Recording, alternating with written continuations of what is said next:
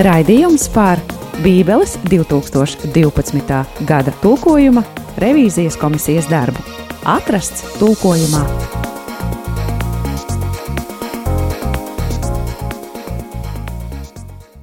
Ir atkal otrdiena, un tavā rādījumā arī Vilnija atrasts tulkojumā šajā stundā ar tevi kopā būšu es Judita Ozoliņa. Tā stunda būs daudz īsākā. Pusstundas laikā mēs ierakstīsimies un sarunāsimies ar šodienas viesiem, bet pirms tam vēl kāds pavisam neliels fakts par Bībeli. Bībele esot pati pati zaktākā grāmata visapkārt visai pasaulē tik neparasti, vai ne?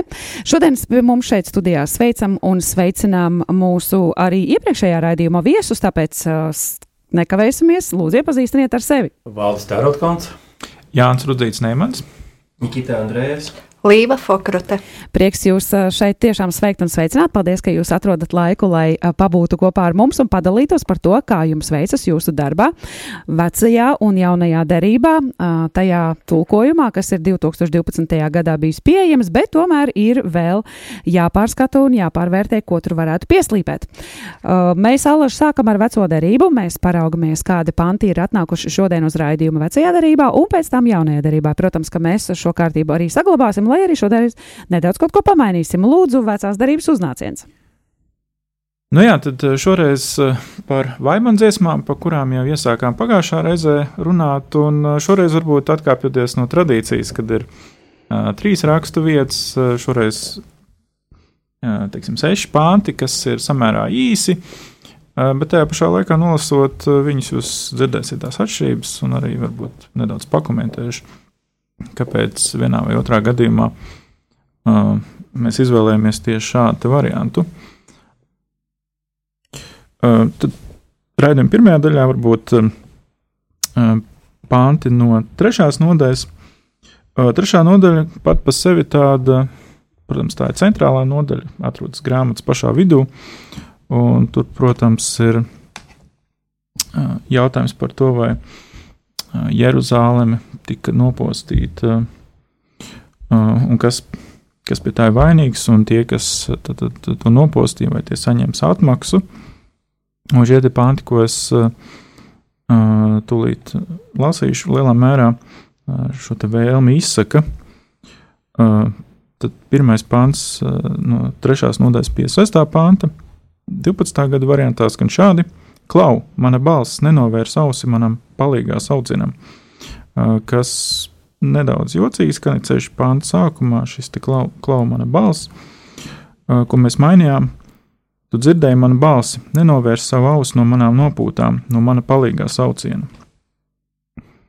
Tad nākamais 360. Tu redzi viņu atbildību, viņu viltu pret mani, Un tad ieklausties, kā tas skan redakcijas, jaunās redakcijas variantā, tu redzi viņu visu. Atriebīgumu, visas viņu viltības pret mani.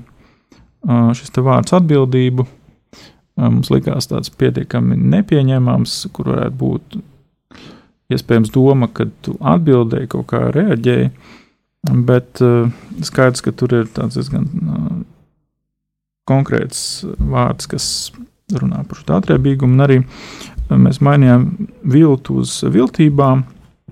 Viltus varbūt ir tā vispār kā, kā tāda īpašība, un šeit mēs domājam tādas ļoti konkrētas viltības, kas uh, iet kopā ar šo vārdu visas, kas ir pašā tekstā.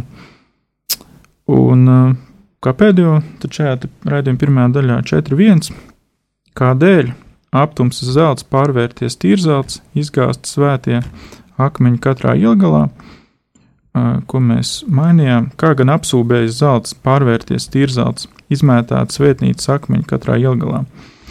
Nu, pirmkārt, jau pats pāns sākums bija tāds diezgan jocīgs. 12. gada variantā, un plus šis vārds aptumsis, lai gan ir nojaušams, um, cīm redzot, labāk prasījās kaut kā tādu um, ar metāliem saistītu um, vārdu lietot, un mēs izvēlējāmies apsūdzējus. Un otra lieta, ko šajā pāntā vēl mēs mainījām, tad izgāzt svētie akmeņi. Um, arī ne visiem ir skaidrs, par ko ir runa.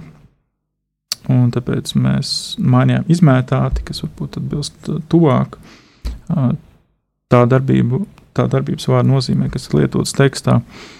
Un paskaidrot šos akmeņus, jau papildus, ka tie ir svētnīcas akmeņi, tad ebreju valodā šo vārdu varētu, nu jā, atkarībā no tā, mm, kā tas tiek lietots, tulkot arī šādā nozīmē.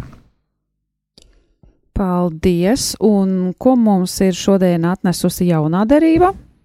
Nu, šodien mēs gribam parunāt par uh, vēstuli kolosiešiem un tiem trim ļoti interesantām vietām mm, šajā vēstulē, kas skar uh, dažādas dzīves uh, jomas. Un daļa, daļa no kurām ir vēl joprojām aktuāla arī šodien. Un pirmais ir uh, 2.8, mm, kas ir skanējis šādi. Raugieties, ka neviens jūs nepieviļ ar cilvēciskās gudrības tukšo maldināšanu, kas pamatojas cilvēku iedibinātās tradīcijas un pasaules pirmspēkos, bet ne Kristu. Un uh, to, to mēs esam mainījuši uz raugieties, ka neviens jūs nesagūst ar prātošanu un tukšu maldināšanu, kas pamatojas cilvēku iedibinātajās tradīcijās un pasaules pirmspēkos, bet ne Kristu. Tad nākamā vieta ir 223 pie kuras diezgan daudz laika tika pavadīts, kas skan šādi. Tas viss gan ārēji izskatās gudri, viņu pašizdomātajā dievkalpošana ar visu viņu pazemību un miesīgu atturēšanos, nicinot miesas vajadzību apmierināšanu.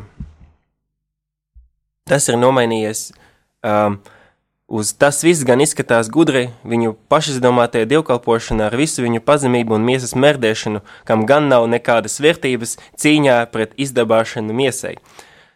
Par šo mēs pastāstīsim vēlāk.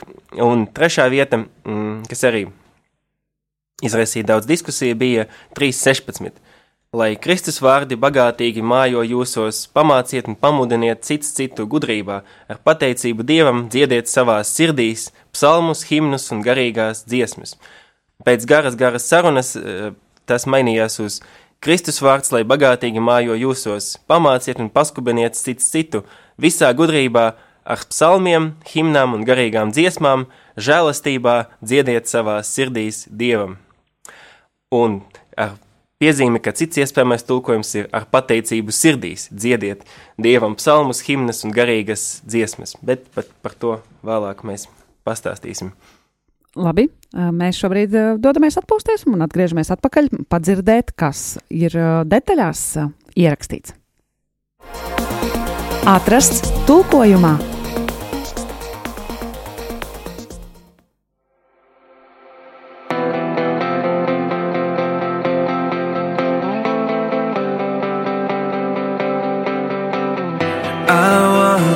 Child of wrath, an enemy of the King of Peace. But love was stronger, love was stronger. I tried resisting grace, the Son of God still took my place.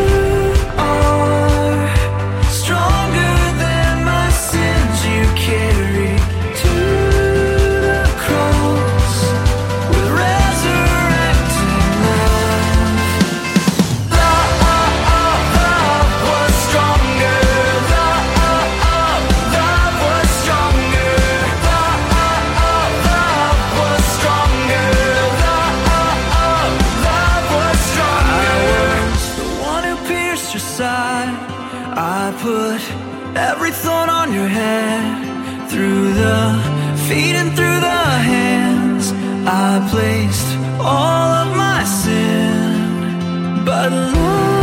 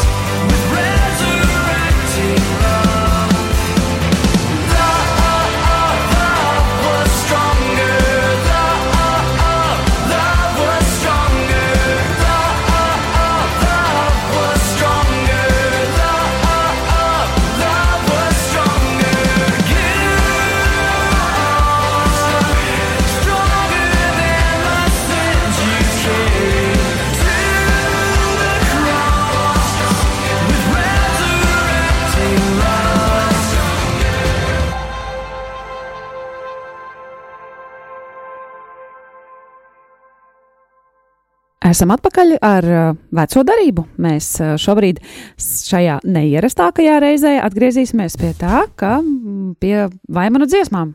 Jā, vēl kādi trīs panti ir, ko šodien padzirdēt, kas tur ir pamainījies. Jā, nu, um, ir, protams, lietas, ko mēs latviešu valodā tā varbūt īsti nevaram um, atspoguļot, kā tas ir ebreju tekstā. Un viena no tā lietām ir tā saucamais akrostiks, uh, tad vairākās nodaļās uh, Vaimana dziesmās lietots tā saucamais akrostiks, proti uh, viens vai vairāk pānti sākās ar kādu ļoti konkrētu alfabētu burtu. Būtībā tika izmantot visi alfabētu burti. Un tajā pašā trešā nodaļā, ko es pieminēju, tur ir kopumā 66 panti, un tad attiecīgi trīs panti sākās ar uh, vienu alfabētu burtu, un tad tālāk, kamēr visi alfabētu burti tiek izmantoti. Uh, nu, diemžēl latviešu valodas iespējas to, to neatļauj, tāpēc mēs tulkojam vairāk, jā, lai varētu vismaz uh, saturu lasītājs uh, uztvert.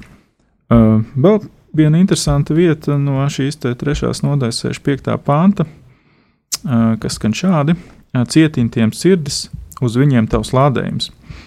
Uh, nu šis lādējums pirmkārt likās uh, diezgan aizdomīgs arī mūsdienu kontekstā, kā vispār šo vārdu lādēt pārsvarā lieto. Un to mēs mainījām. Apstulbotiem sirdis, tavs lāsts, lai nāk pār tiem. Tad jūs redzat, tad lāsts ir atgriezies. Bet kāpēc vārds, apstulbots? Tad apstulbo cietini vietā. Tad lielā mērā atgriešanās notiek atpakaļ pie 65. gada tulkojuma. Um, protams, es esmu arī sastapies diezgan bieži ar jautājumu, ko šī eh, sirds nocietināšana nozīmē. Daudz droši vien zina labi zināmos tekstus no otrās mūža grāmatas par faraonu vai iesaistas grāmatas sestās nodaļas tekstu, eh, kur Dievs runā iesējiem par tautu, ka tā ar ausīm dzird, bet eh, nesaprot. Un, attiecīgi, neizdara šos secinājumus. Tā kā nu, šī sirds nocietināšana būtībā ā, jāsaprot tādā veidā, ka sirds kā cilvēka centrālais vadošais orgāns, kas ir padarīta cieta, viņa vairs nespēja veikt savas funkcijas, un šajā gadījumā caur to visu informāciju, kas nāk, tā atcitās un aiziet prom. Bet kāpēc mēs tomēr cietiņu vietā izvēlējāmies šo te apstulbot? Um, iemesls tāpēc, ka ir izmantots uh, cits vārds, būtībā vienreiz vecā derībā, un um, lai būtu kaut kāda dažādība un arī parādīt to tiešo efektu, izvēlējāmies lielā mērā arī līdzīgi kā 65. gadā palikt pie šī apstulbota. Uh, tad vēl viena interesanta raksta vieta ir 4. nodaļas 10. pāns. Žēlīgu sievu rokas vāra bērns, redzi viņu maize, manas tautmeitas postā.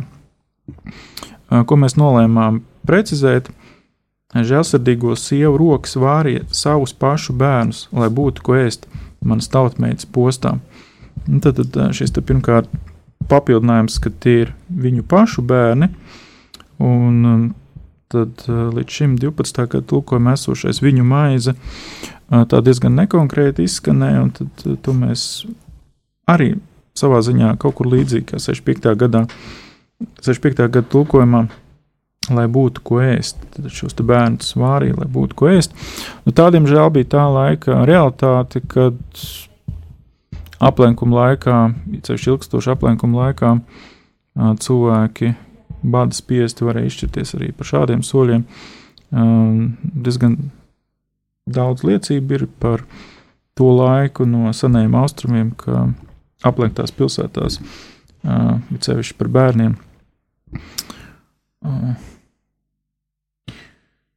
Un pēdējā rakstu vieta, ko varētu nolasīt, kas nāk no pēdējās piektās nodaļas, piektā panta, un kas arī sauc diezgan karsts debats, kā tieši to tulkot. Um, tad 12. gada versijā tas skan šādi: Jūga kaklā mums dzen, bez mitas pūlamies. Uh, ko komisija nolēma mainīt uz apspiedēju mums uz kakla, mēs pūlamies bez atelpas. Uh, nu jā, te bija jā, dažādi varianti, piemēram, vajātāji mums uz kakla, mēs noguruši bez rīmas, bet arī šī rīma likās eh, tāda, nu, varbūt pārāk poetiska. Un tāpēc eh, mēs tomēr izšķīrāmies eh, pēc iespējas skaidrāk, ka tie apspiedēji, kas sēž mums būtībā uz kakla vai kaklā, un mēs esam spiesti tāpēc nepārtraukti strādāt. Jā, interesanti. Es vēl paliku pie, tiem, pie tām sievām un bērniem. Es kaut kā nevarēju iziet no turienes ārā. Bet varbūt tad ejam uz jauno darību, kaut kas mazliet, nu, mazliet svaigāks, nu, tā kā laika nogrieznī, tādi svaigāki notikumi. Un, un ko mēs raudzīsim, kas ir. Kas ir jaunajai darībai? Par, par, kur, par kuru bija tā raksturīta? 3.16, ja, par kuru mēs detaļās iesim. Mēs pamēģināsim iet visās. Kolosāli. Bet, bet sāksim tajā tajā, tajā vis, vis varbūt ne, ne pašā svaigākajā, tāpēc, ka runa ir par to pieminēto prātošanu un tukšu maldināšanu. Ko es domāju, kas tad ir tas, tas īstais vārds, kas sākumā bija cilvēciskā gudrība, pēc tam šobrīd palika par prātošanu, kas tad ir tas vārds oriģinālā. Un ja mēs atveram, atverst, atvertu 65. gadu tulkojumu, mēs skaidri un gaiši redzētu atbildi, kas, šis vārds, ko mēs tā tulkojam, ir patiesībā vārds filozofija, respektīvi. Filozofija, um, kā 65. gada tulkojums saka, uh, uzmaniet, ka neviens jūs nesagūst ar savu, ar savu filozofiju. nu jā, arī sava veida interpretācija, bet problēma ar to visu bija, kad um, Par kuru raksturvietu mēs gudrība... es, es, es pazaudējos, par kuru raksturvietu mēs šobrīd runājam? Mēs runājam par uh, 2,8 no vēstules kolosiešiem. Tā tad, labi. Nu jā, uh, un respektīvi redzot šo vārdu filozofiju pamatā, um, gribētos kaut kā viņu savādāk izskaidrot. Varbūt šī cilvēciskā gudrība arī ir uh, tāds. Um, Neskaidra tāda lieta, jo, piemēram, vai, teiksim, tehnoloģijas, kuram, kuras mēs izmantojam, vai tā nav, ir vai tā nav cilvēciskā gudrība, ja tas skaidrā gaiši kaut kas tāds ir, kas no cilvēka gudrības rodies. Bet rakstīt pat taisno filozofiju arī negribēs tieši tāpēc, ka filozofija ir kaut kas diezgan aktuāls arī mūsdienu šodienas sabiedrībā. Mums ir filozofijas fakultāte, universitāte. Negribētos tā vienkārši Bībelē rakstīt, ka filo filozofija ir tikai tas, ka, kas cilvēkus uh, pieviļ un um, no kura no kā jābēg. Um, Prom, tas būtu ļoti tā, nesmuki attiecībā pret kolēģiem. Uh, bet uh, Patiesībā šis, šis jautājums par, par šo filozofiju eh, pat no, no paša kristietības sākuma droši vien bija ļoti grūts, tāpēc, kad mēs, eh, ja mēs skatāmies pašus pirmos kristietības eh, teologus, autorus, kas rakstīja lielas grāmatas, tādas kā Justīns Martirs vai Aleksandrijs Klemens vai daudzi citi, mēs uzreiz redzam, ka viņu neizbēgami tuvo kontaktu ar šo filozofiju, ar dažāda veida filozofiju, helenistiska laikmeta, kas pastāvēja. Platonismu, piemēram, par ko mūsu fakultāte bakalaura darbu nesen aizstāvēja. Un, Rasu, lasot viņu pašu komentārus par šīm lietām, var redzēt, ka, ka viņi visādā veidā cenšas šo, šo ap, apiet šo jautājumu piemēram, tas pats Klimants raksta, uh, Klimants lasot šo pantu, spēja redzēt, ka Pāvils nes, ne, ne, stipri nosūta filozofiju, ka viņš nenosūta pilnībā, bet, viņš, bet viņš šo luku redz, ka tur jābūt kaut kādai citai dziļākai gudrībai, gnostiskai, kuru, respektīvi, kas pār šo filozofiju pārvar, piemēram. Tāpat arī. Mm, mm, Un tāpat Origēns, piemēram, piemin, saka, ka Pāvils tomēr redzot, ka grieķu filozofija ir li lietas, kas nav kā mazvērtīgas, kas daudziem cilvēkiem liekas uh, vērtīgas. Uh, nu jā, respektīvi, viņš, viņi kaut kā mēģināja tomēr šo, šo jautājumu atrisināt, tāpat kā mēs, nu, nevēloties pat, uh, domāt, ka filozofija kā tāda ir kaut kas uh, um, nosodāms, un tomēr tas, ko um, pamatā Pāvils domāja, bija nevis nosodīt akadēmisko disciplīnu, bet tomēr šo to, ko viņš domā ar filozofiju, respektīvi tas, kas nevar iepratīt kristīgai ticībai, piepildīt cilvēku vajadzības. Jā, es arī iedomājos, ka tā būtu lieliska reklāma teoloģijas fakultātei. No vienas puses, nāciet pie mums. Tur, tur nevajag, bet bez šaubām tā nav, tā nav šī doma. Un, un arī, arī pirmajos gadsimtos, un, un vēl agrāk, kad veidojās tā sauktais helēniskais judaisms, uh, jūdu kopienām, esot diasporā, Eģiptē un citur. Nu, tas bija tāds jautājums, kā miedarboties ar, ar šo vietējo kultūru, arī, arī filozofiju, kur no vienas puses to pieņēma, jo, jo tas bija tas ietvars, kurā skaidrot kristietību, neizbēgam, trīsvienības doktrīnu, daudz kas cits tas ir veidojies šīs grieķu filozofijas ietekmē. Uh, Pāvils pats arī runājot Atēnās, viņš runā par šo altāru nezināmam dievam un veido tādu kā tiltu uh, starp, starp kristietību un, un turienes kultūru un saka, jā, bet uh, neapzinoties paši, jūs, uh, jūs arī runājat kaut kādā mērā par to pašu. Tāds ir šis te vēstījums no otras puses. Uh, tā ir šī vēlēšanās uh, arī nu, pasvītrot kaut kādu pārāvumu un veidot kaut ko Uh, kaut ko jaunu. Te vienlaicīgi arī dabīgi ir uh, droši vien mistērija kulti un, un dažādi tās augtās slēptās gudrības, uh, pret kurām arī vēstules autors varētu būt bijis oponējis. Mēs to nezinām līdz galam, bet, bet iespējams. Tā kā gadsimtiem cauri tā ir bijusi tāda aktuāla lieta, un, un bez šaubām viduslaikos filozofija, kur, kur tāpat kā teoloģija, viņas gāja roku, roku rokās. Um, mūsdienās citas, citas nozares, socioloģija, literatūras zinātnes, kuras, uh, kuras vai nu ir aizstājuši filozofiju, vai, vai ieņēmuši to, to pašu uh, tikpat svarīgo vietu līdzās. Bet uh, nu jā, tas vēl aizvien ir tāds jautājums par šo kontekstualizāciju, miedarbību ar citām nozarēm.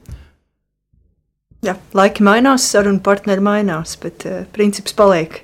Kristietība nepastāv vakumā, jā, viņa kaut kā miedarbojas. Un, Kā tad mēs beigu galā iztulkojam šo rakstu vietu? Ko tad mēs filozofēšana nav? Kas mums tur ir? Jā, jā bija ne, viena no idejām, bija, uh, kā tur raugieties, ne, ka neviens jūs nepieviļ ar, ar filozofēšanu, bet tā šīs uh, variants nenonāca līdz uh, finišam, um, kaut kur apstājās un tomēr, ka neviens jūs nesagūst ar prātošanu un tukšu maldināšanu, nu, mēģinot vairāk šī, šī, šo nozīmi kaut kā tādā veidā pasniegt. Nu, jā, bet, no, ja ir vēl kaut kāds mirklīts, ko, ir, ir ko, vēl, ko vēl pastāstīt, ir. manuprāt, interesanta izmaiņa diezgan radikāli bija 223, kur uh, tas viss gan arī izskatās gudri viņu pašuzdomātie dievkalpošana ar visu pazemību un miesīgu atturēšanos, nicinot miesas vajadzību apmierināšanu, respektīvi uh, tiek iz, izstāstīts, ka die, dievkalpošana un pazemība un at, atturēšanas ir uh, izskatās tikai gudri ar mērķi nicināt miesas vajadzības, respektīvi piekopt kaut kādu askēzi. Bet uh, tas variants, ko mēs ilgstoši diskutējot, panācam, uh, saka, ka šī pašizdomāta dievkalpošana, pazemība un miesas mērdēšana, ka tam nav nekādas vērtības cīņā pret izdabāšanu miesai. Un šī doma līdz ar to paliek drusku tāda komplicētāka, bet nu, tāda viņa tur ir. Mm, ka uh, tas, ko Pāvils kritizē, kas, kas ir iespējams jūdu dievkalpojumi, kas iespējams arī kaut kādi kulti, kas pastāv mm, apkārt, kad viss šī, un, un ar to saistīti rituāli un, tā askēze, kas ir domāta ar šo miesas smērdēšanu, ka šīs visas lietas patiesībā nav derīgas tam, lai cīnītos pret izdabāšanu miesai, un Un te patiesībā pat nav domāta kaut kāda tīri uh, fiziskā askeze, kurā, respektīvi, atturēties no ēšanas vai citām lietām, bet, uh,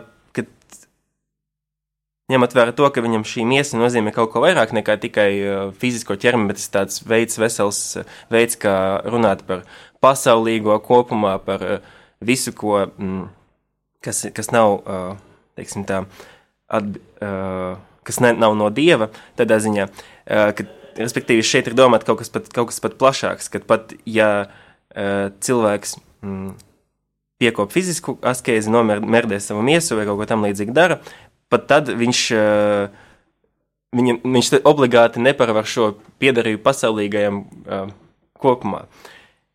Nu, līdz ar to savā ziņā šis pants tagad ir uh, drusku tāds palicis interesantāk, kārtā liberālāks, pa, pa, pavēršot um, uh, patieso askezes jēgu nevis fiziskajā rituālā vai, vai darbībā, bet uh, tieši tādā dziļi garīgajā praksē. Tā kā arī var pieminēt uzreiz senos baznīcas tēvus, to pašu mīļo Aleksandrijas Klementu, kas uzskatīja, ka galvenais nav um, um, nevis pārvarēt savu gribēšanu, bet negribēt vispār. Un, tā kā šāds arī labojums, manuprāt, ļoti interesants. Manuprāt, tas nav liberālāks, kā tu teici. Es, es domāju, viņš ir mazliet tāds uh, precīzāks. Un, uh, kā jau bieži vien rakstīja, prasa vienkārši lasīt un domāt līdzi, par ko tur īsti ir runa. Un, uh, jo man liekas, ka uh, mēs ļoti precīzi mēģinājām atveidot to, ka šī pašizdomātā, jā, tad es izdomāju, ka šī tā būs beidzot pareizi. Jā, tāda kalpošana, jā, viņa ir patiesībā, viņai nav vērtības, viņai nav varas, viņai nav. Viņa ir bezjēdzīga jā, tajā cīņā pret. Ne, mēs pat izvēlamies ļoti konkrētu vārdu pret, nevis ārā, ja tu atceries. Uh, cīņā pret izdabāšanu miesā. Jā, tad, tad, lietojot man kolēģi terminu, ja tāda pašizdomāta askēze, ja, kur, kur īsti nekur neaizvērt. Ja, jo, jo tā ir tā ārējā izpausme, jeb tāda ja, tā, tā iekšēji pašizdomātai, gudrajai dievkalpošanai, kur savukārt atkal aizved atpakaļ pie tā, ko mēs lasījām iepriekšējā pantā, ja, tāda sekošana šai cilvēciskai prātošanai, tukšai maldināšanai, kas, kas te, te tā tad nonāk līdz kaut kādām tādām praktiskām konsekvencēm. Un, protams, kontekstā, ja es pareizi atceros, ir arī Kristus miesa kā, kā Kristus, ja, miesa un, un pretstats starp to un, un piedalīšanos tajā, iepratī šādai pašizdomātai miesas jā, mērdēšanai, jā, jā, tādai cenšoties iekļauties Kristus miesā uz saviem noteikumiem, tā drīkst teikt. Tā.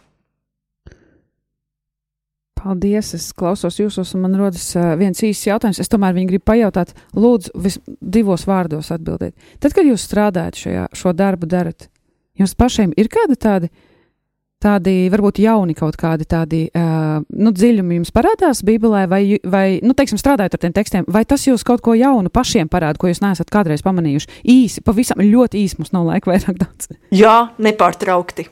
O, tas ir brīnišķīgi, vēl kungi. Nu, protams, vienmēr strādājot uh, komandā, uh, tu redzi, ka citiem radās uh, kāda interesantāka versija, kas tā, tu, tāds knikšs notiek prā, prātā un saprot, jā, tas ir tas, ko būtībā teksts pasaka, ka tu mēģini, mēģini tam toties, bet kāds cits. Izsaka to vārdos, ja? Jā. jā, paldies. Vēl varbūt valdiņa, Kita, kā jums? Jā, es uh, vienkārši caurskatot, mm, vienkārši kas, secīgi visu jauno derību pārēlu latviski, grieķiski. Uh, protams, parādās, uh, tas ir tāds kā cits palielinājums tam visam tekstam, ko tu lasīji, un bija kaut kādas vietas, kuras tu var, varbūt vairāk kārt lasīji kaut kādā pirms tam citā kontekstā, domāji par to, ko mm -hmm. tas nozīmē, pēc tam tu arī vēl nu, noskaidro, ka tur vispār bija cits vārds, un tad tu vari drusku paironizēt par sevi un padomāt par to, vai uh, Dažkārt, vai, vai nevajadzēja jau toreiz paskatīties? Bet vai paldies, nu, vai... tas arī ir ceļš valdi. Jā, es arī piekrītu tam. Vienmēr man ir vienkārši interesanti redzēt to, ka jebkurš tulkojums arī viņa atspoguļojas tulkotāju pašu kaut, kaut kāda pasaules domāšana un, un, un arī, nu, kā katrs tomēr ir vilcis to uz savu, savu pusi vezumu tulkojot. Paldies, paldies par to, ko jūs darat. Es jau kuru reizi jums to saku, un es arī ļoti šobrīd jūsos klausoties, saprotu, ka tas arī ir normāli, ka katram jaunam laikam tomēr mazliet ir jā, jāparāda no savas laika prizmas šie raksti. Paldies jums par to, ka šodien varējāt būt šeit, Jāni, Valdi, Līva, Nikita, paldies, un uz tikšanās, uz tikšanās citās otrdienās. Ar jums kopā šajā laikā bija arī es, Judīta Ozoliņa, atrasts tulkojumā. Raidījums par Bībeles 2012. gada tulkojuma revīzijas komisijas darbu. Atrasts tulkojumā